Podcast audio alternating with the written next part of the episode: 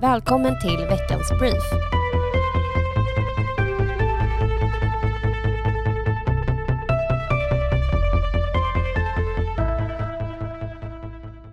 Hej och välkommen tillbaka till Stockholmpodden. Det är ett nytt år, ny regering och även lite nytt för den här podden. Eller hur Celine? Ja men precis och eh, vi kanske ska börja med en kort presentation eftersom det är två nya röster här idag. Och jag kan ju börja och jag heter Celine Alfredsson och arbetar på förbundet för Moderaterna i Stockholms stad och län som eh, digital kommunikatör. Och jag heter Disa Nilsson och arbetar också på förbundet för Moderaterna i Stockholms stad och län och arbetar som kampanjansvarig. Ja men det är ju strålande, då har ni fått en liten kort presentation av oss som kommer finnas här framöver i podden.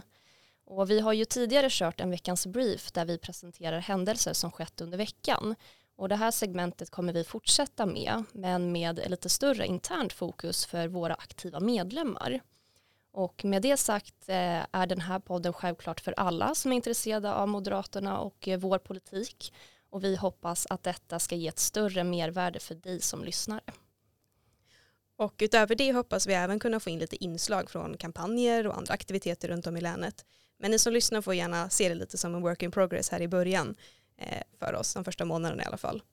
Sen hoppas vi självklart kunna få in fler intressanta intervjuer med våra moderata företrädare, precis som vi haft tidigare i den här podden. Och vi är ju väldigt taggade och tycker det här ska bli otroligt roligt. Så glöm inte att prenumerera på podden i din podcast-app så du inte missar när nya avsnitt släpps. Exakt. Men med det sagt så tycker jag att vi sätter igång med det senaste som har hänt inom politiken.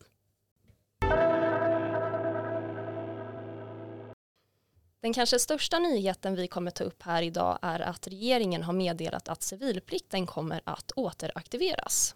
Det innebär att svenska medborgare kan få rycka in till samhällsviktiga verksamheter som till exempel sjukvård, barnomsorg och räddningstjänst vid eventuellt höjd beredskap eller vid krig. Och civilplikten har varit vilande sedan 2010 men nu har MSB, alltså Myndigheten för samhällsskydd och beredskap, fått i uppdrag att förbereda återaktiveringen. De har till den första mars på sig.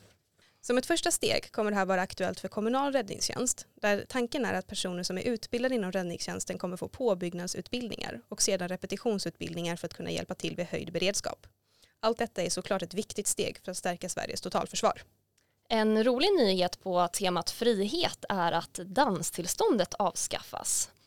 Alla vinster för friheten är ju såklart bra, små som stora. Så från och med den första juli när lagändringen föreslås träda i kraft kommer det inte längre krävas danstillstånd för att människor ska få dansa på klubbar och barer.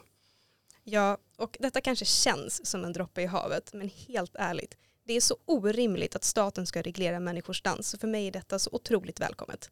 Ja men för mig med. Det känns helt rätt att restaurangägare inte längre ska behöva betala för tillståndet att människor ska få dansa när de är ute. Dessutom frigörs det resurser från Polismyndigheten som slipper handlägga dessa tillståndsprövningar. Ja, exakt. Och detta firar vi helt enkelt med att gå ut och dansa den första juli tycker jag.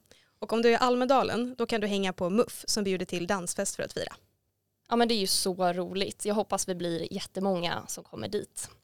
Och till en mer, lite mer dyster nyhet så har Socialdemokraterna och deras vänsterstyre i Stockholms stad valt att kraftigt minska antalet ordningsvakter i kommunen och det har genomfört massiva uppsägningar. Ja, förra mandatperioden när Moderaterna styrde då valde vi att storsatsa på tryggheten och ordningsvakter. Då ökade vi antalet ordningsvakter från 18 till över 180 stycken, alltså en tiodubbling. Eh, och 2021 utvärderades den här satsningen av en forskare på Malmö universitet.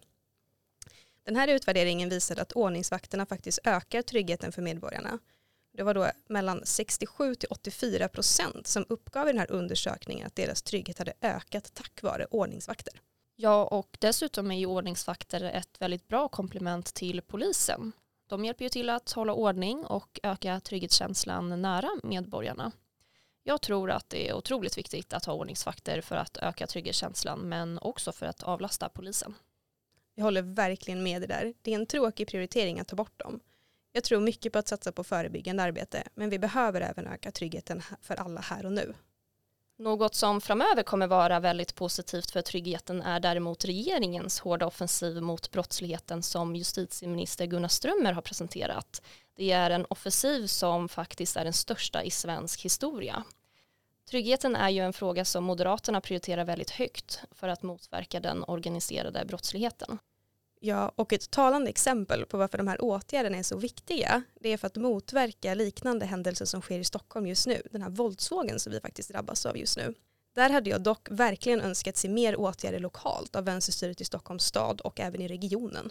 Men för att få bukt på kriminaliteten är jag övertygad om att vi måste arbeta på alla plan samtidigt. Eh, för det ser vi ju sedan juldagen fram tills idag när vi spelar in det här har det skett hela 11 skjutningar och 8 explosioner i Stockholm.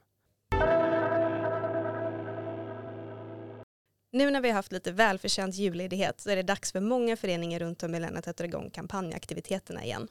Jag har faktiskt saknat att kampanja. Det är så himla roligt att komma ut och träffa väljare och prata politik. Ja men jag med och det är ju ett jätteroligt sätt att engagera sig och lära känna andra moderater samtidigt som man får prata om det roligaste som finns, faktiskt politik.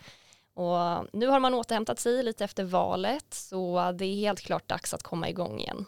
Absolut. Och vill du också vara med så hör av dig till din lokala förening.